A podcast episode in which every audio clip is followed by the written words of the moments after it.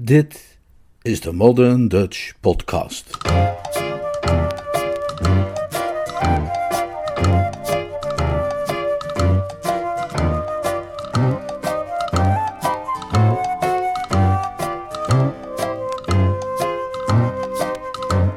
Jill the Musical.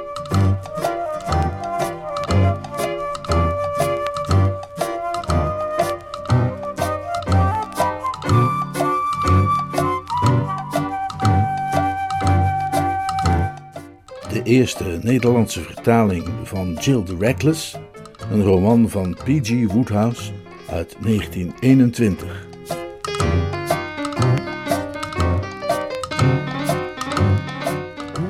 Vertaald en voorgelezen door Leonard Beuger.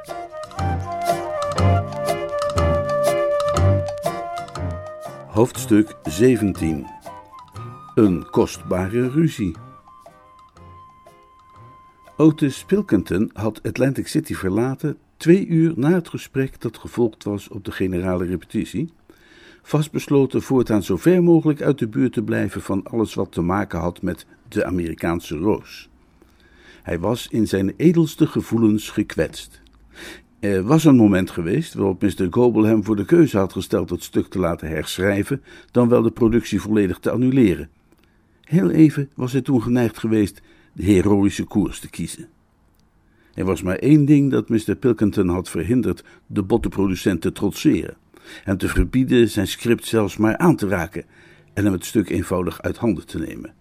Dat ene ding was het feit dat, tot aan de generale repetitie, de kosten van de productie het ontstellende bedrag hadden belopen van 32.859 dollar en 68 cent, welk bedrag geheel uit de zak van Mr. Pilkington moest komen. De cijfers die hem werden gepresenteerd in een keurig getypte kolom die zich uitstrekte over twee lange vellen papier, hadden hem verbluft. Hij had er geen idee van gehad dat musicals zo ongelooflijk veel kosten meebrachten. Die van de kostuums alleen al waren opgelopen tot 10.663 dollar en 50 cent. En op de een of andere manier ergerde die malle 50 cent Otis Pilkington meer dan al het andere op de lijst. Een duister vermoeden dat Mr. Goble, die de praktische uitvoering van de hele zaak in handen had gehad, een geheime afspraak had met de costumier, van wie hij een retourcommissie kreeg, vergrootte zijn somberheid. Nou ja, voor 10.663 dollar en 50 cent zou je de hele vrouwelijke bevolking van de staat New York in het nieuw kunnen steken en nog wat overhouden voor Connecticut. Dat bedacht Mr. Pilkington allemaal toen hij in de trein het slechte nieuws nog eens doornam. Hij hield pas op met piekeren over de hoge kosten van de kostuums, toen twee regels verder zijn aandacht werd getrokken door een item van 498 dollar voor kleding. Kleding! Waren kostuums dan geen kleding? Waarom zou hij twee keer moeten betalen voor hetzelfde? Mr. Pilkington was hier nog over aan het razen, toen nog wat verderop in de kolom zijn oog viel op de vermelding kleding 187,45 dollar. Hierop slaakte Otis Pilkington een onderdrukte kreet, zo scherp en zo gekweld, dat een oude dame tegenover hem, die een glas melk aan het drinken was, het liet vallen en de spoorwegmaatschappij 35 cent schadevergoeding moest betalen voor het glas. De rest van de reis zat ze met één oog behoedzaam naar Mr. Pilkington te loeren in afwachting van zijn volgende streek. Dit avontuur kalmeerde Otis Pilkington, al stelde het hem niet gerust. Met rode wangen keerde hij terug naar de onkostenlijst, waarvan vrijwel iedere regel een item bevatte dat hem woedend en ontsteld maakte. Schoenen, 213,50 dollar kon hij begrijpen, maar wat was in hemelsnaam Academy, Rail, 105,50 dollar. Wat was koep, 15 dollar. En wat mocht in hemelsnaam bedoeld worden met lijstwerk, aan welke mysterieuze luxe hij zich blijkbaar had overgegeven tot een bedrag van 94 dollar en 50 cent. Maar liefst 17 keer kwam requisieten op de lijst voor. Waar het met hem ook heen mocht gaan, in welk armenhuis hij ook zijn laatste jaren zou moeten slijten, requisieten zou hij genoeg hebben voor zijn hele verdere leven.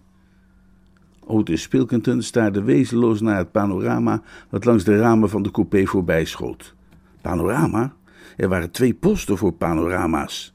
Friedman, Samuel, panorama 3711 dollar en Unit Wix panorama 2120 dollar.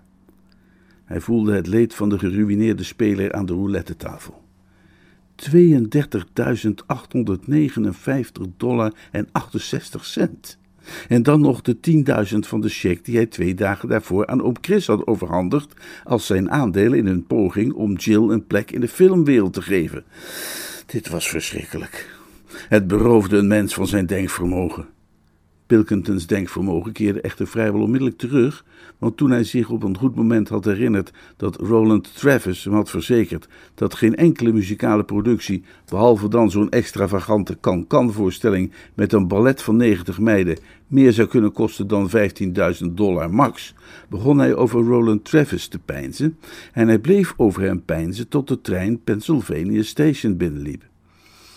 Een week of langer sloot de getroffen financier zich vrijwel geheel op in zijn appartement, waar hij sigaretten zat te roken, naar Japanse prenten staarde en probeerde niet aan requisieten of aan rail te denken.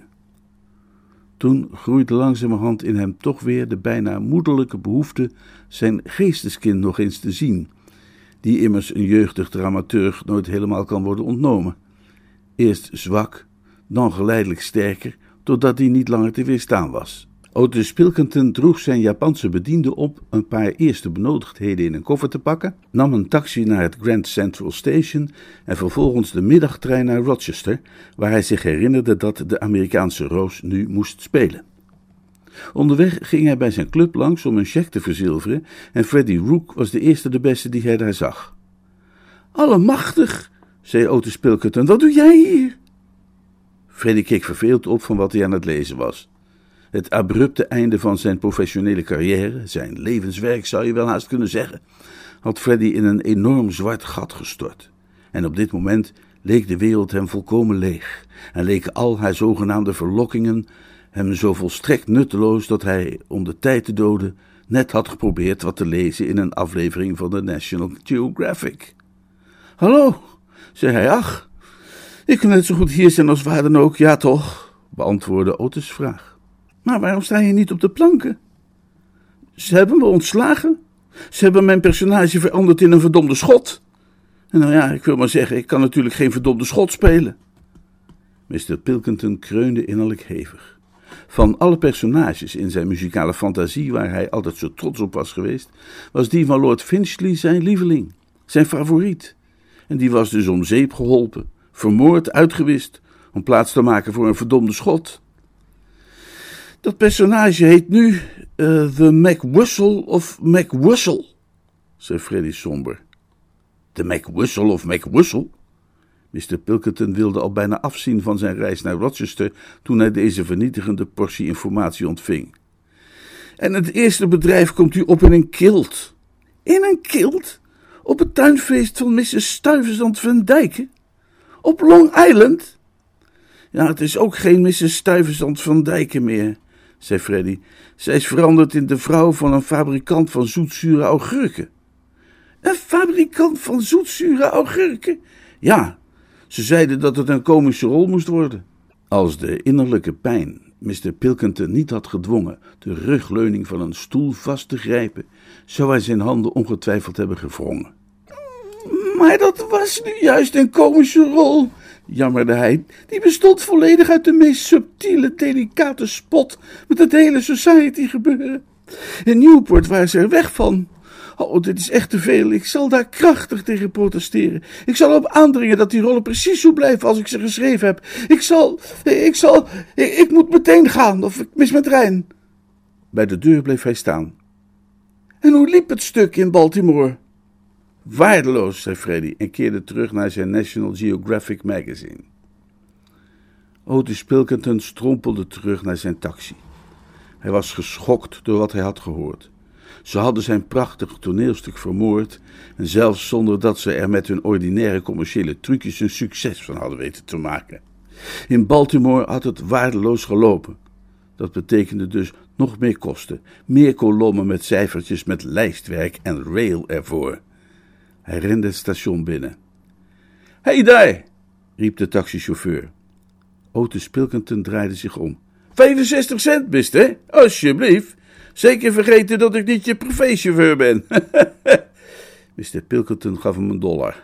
Geld, geld. Het leven was één eindeloze aaneenreiging van betalen, betalen en nog eens betalen.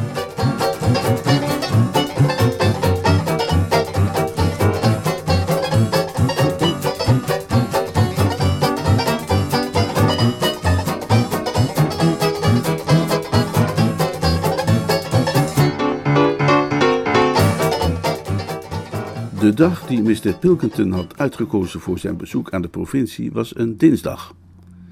De Amerikaanse Roos was de avond daarvoor in Rochester in première gegaan, na een week in Atlantic City in zijn oorspronkelijke vorm en een week in Baltimore in wat zijn tweede incarnatie genoemd zou kunnen worden. De kaartverkoop in Atlantic City was beroerd geweest, die in Baltimore geen haar beter, en bij de eerste schaars bezochte voorstelling in Rochester had het stuk een kille ontvangst gekregen, wat de sombere stemming in het gezelschap definitief leek te hebben gemaakt, ondanks het feit dat de recensenten in Rochester, evenals die in Baltimore, vriendelijk over het stuk hadden geschreven.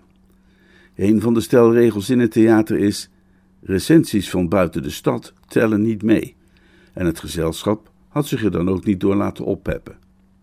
Het valt evenwel te betwijfelen of zelfs stampvolle zalen veel enthousiasme zouden hebben gewekt bij de spelers dan wel de zangers en dansers van de Amerikaanse Roos. Twee weken lang hadden ze onafgebroken onder zware druk gewerkt en ze waren vermoeid naar lichaam en geest. De nieuwe spelers hadden hun rol moeten instuderen in precies de helft van de tijd die gewoonlijk voor dat doel beschikbaar is, en het ballet had na vijf weken hard te hebben gewerkt aan een serie choreografieën die weer moeten vergeten en een stel nieuwe moeten inoefenen. Vanaf de ochtend na de eerste voorstelling in Atlantic City waren ze het theater niet meer uit geweest, afgezien van een half uurtje voor een haastige maaltijd. Jill, die lusteloos in de coulissen stond terwijl de toneelknechten het decor voor het tweede bedrijf opbouwden, zag hoe Wally via de deur naar de zaal naar haar toe kwam gelopen. Miss Mariner, naar ik veronderstel, zei Wally. Ik neem aan dat je weet hoe geweldig je eruit ziet in die jurk. Heel Rochester heeft het erover. En ze zijn van plan dagtochten te gaan organiseren vanuit Troy en Utica. Het heeft veel opschudding veroorzaakt. Jill glimlachte. Wally was een waar tonicum voor haar tijdens deze dagen van al hard werken. Hij leek totaal onaangetast door de algemene stemming van neerslachtigheid. Een feit dat hij zelf toeschreef aan het gelukkige toeval dat hij in een positie was om rustig achterover te kunnen leunen en de anderen te zien zwoegen. Jill wist dat hij in werkelijkheid net zo hard werkte als ieder ander. Hij was voortdurend bezig om scènes te veranderen, klausen toe te voegen, songteksten aan te scherpen, spelers te kalmeren wie er zenuwgestel overbelast raakte door het onophoudelijke repeteren en de hartstochtelijke neiging van Mr. Goebel om voor verlicht despoot te spelen binnen de perken te houden. Zijn opgewektheid maakte deel uit van zijn karakter en Jill stelde dat erg op prijs. Ze had een hechte band met Wally gekregen sinds de gigantische klus van het compleet ombouwen van de Amerikaanse roos was begonnen. Ze waren vanavond wel erg stil, zei ze. Ik geloof dat de helft lag te slapen. Ah, zo zijn ze altijd hier in Rochester. Het zijn hier mensen die hun diepere gevoelens verbergen. Hm? Ze verbergen zich achter een masker. Maar je kunt aan de glazige blik in hun ogen zien dat ze van binnen kolken en koken. Maar waarom ik langskwam was uh, A om je deze brief te geven? Jill pakte de brief aan en wierp een blik op het handschrift. Het was dat van oom Chris. Ze stak hem achter de bijl boven de brandemmers om hem later te kunnen bekijken. De man achter de kassa heeft me die voor je meegegeven, zei Wolly, toen er even binnenliep om te zien hoeveel geld er vanavond binnen was gekomen. Het bedrag was zo klein dat hij het alleen maar durfde te fluisteren.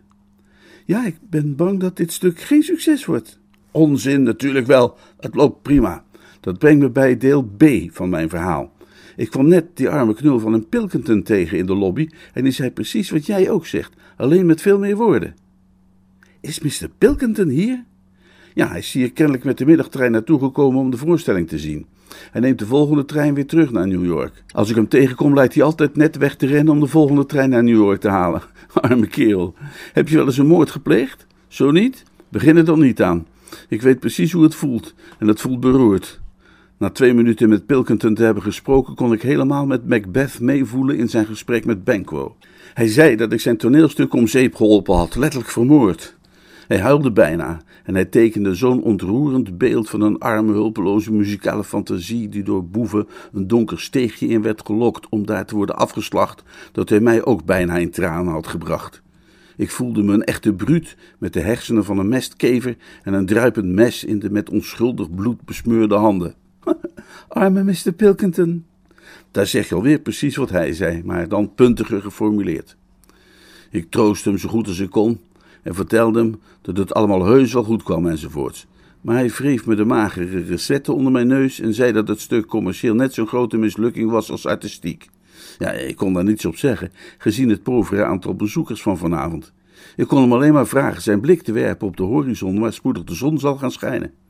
Ik zei hem dat de zaken al heel gauw de goede kant op zullen gaan en dat hij straks nog een verstuikte pols zou oplopen door het knippen van coupons. Maar hij wilde zich niet laten opvrolijken, vervloekte me nog een keer voor het naar de bliksem helpen van zijn stuk en smeekte me tenslotte om zijn aandeel voor een zacht prijsje van hem over te nemen. Ja, maar dat ga je toch niet doen? Nee, nee, nee, nee, nee, maar enkel en alleen omdat ik na dat fiasco in Londen twee vingers in de lucht heb gestoken, kijk, kijk, zo, en een eed heb gezworen dat ik zolang ik leef nooit meer een cent zou steken in een theaterproductie, al was het puur opgelegd pandoer. Ik ben daar te schichtig voor geworden. Maar als hij iemand kan vinden met een sportieve instelling en die een paar duizend te investeren heeft, dan gaat die figuur gegarandeerd een fortuin verdienen. Dit stuk wordt een goudmijn. Jill keek hem verbaasd aan. Bij iemand anders dan Wally zou ze zulk vertrouwen hebben toegeschreven aan de ijdelheid van de auteur. Maar bij Wally had ze het gevoel, telde het feit dat het stuk in zijn huidige vorm vrijwel helemaal zijn eigen werk was, niet mee.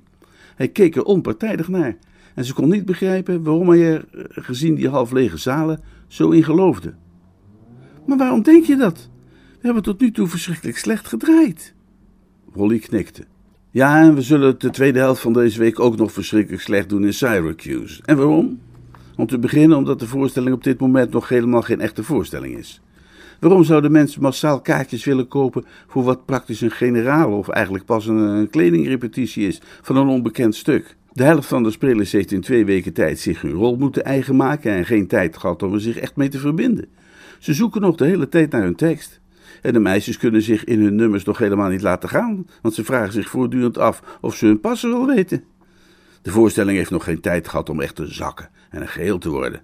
Het rammelt nog aan alle kanten. Maar kijk er over twee weken nog eens naar. Ik weet het gewoon zeker. Ik zeg niet dat de musical zo'n verheven vorm van kunst is, maar er zit in zekere zin wel systeem in. Als je er lang genoeg mee bezig bent, leer je de kneepjes van kennen. En neem van mij aan dat als je een paar pakkende nummers hebt en een goede bezetting, dan is het bijna onmogelijk om geen succes te hebben. Een uitstekende bezetting hebben we nu en de nummers zijn prima. Ik zeg je, dat heb ik Pilkington ook proberen te vertellen, maar hij wilde niet luisteren, dat deze voorstelling prima in orde is. Er zit een fortuin in voor iemand. Maar ik neem aan dat Pilkington nu in de rookcoupé zit van een trein naar het oosten en straks gaat proberen de witkiel zover te krijgen dat hij zijn aandeel in dit stuk wil aannemen in plaats van een fooi. Otis Pilkington was niet precies dat aan het doen, maar wel iets dergelijks.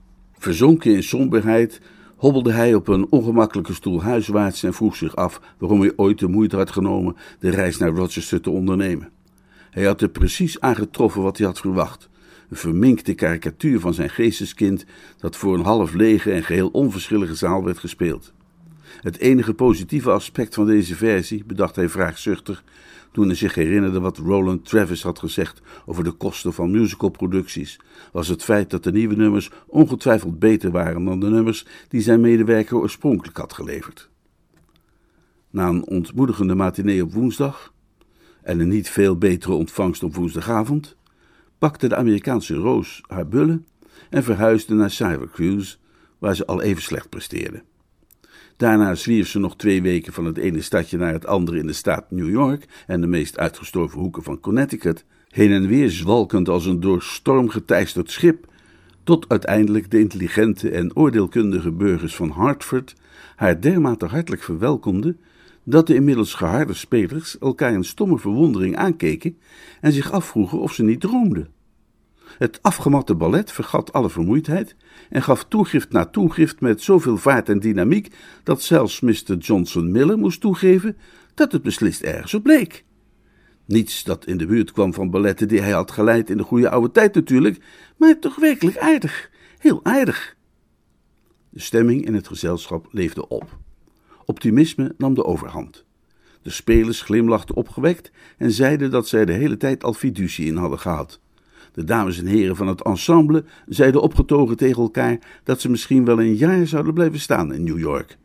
En de inwoners van Hartford vochten om stoelen, en als ze geen stoelen konden bemachtigen, namen ze staanplaatsen achterin. Van al die dingen was Otis Pilkington niet op de hoogte.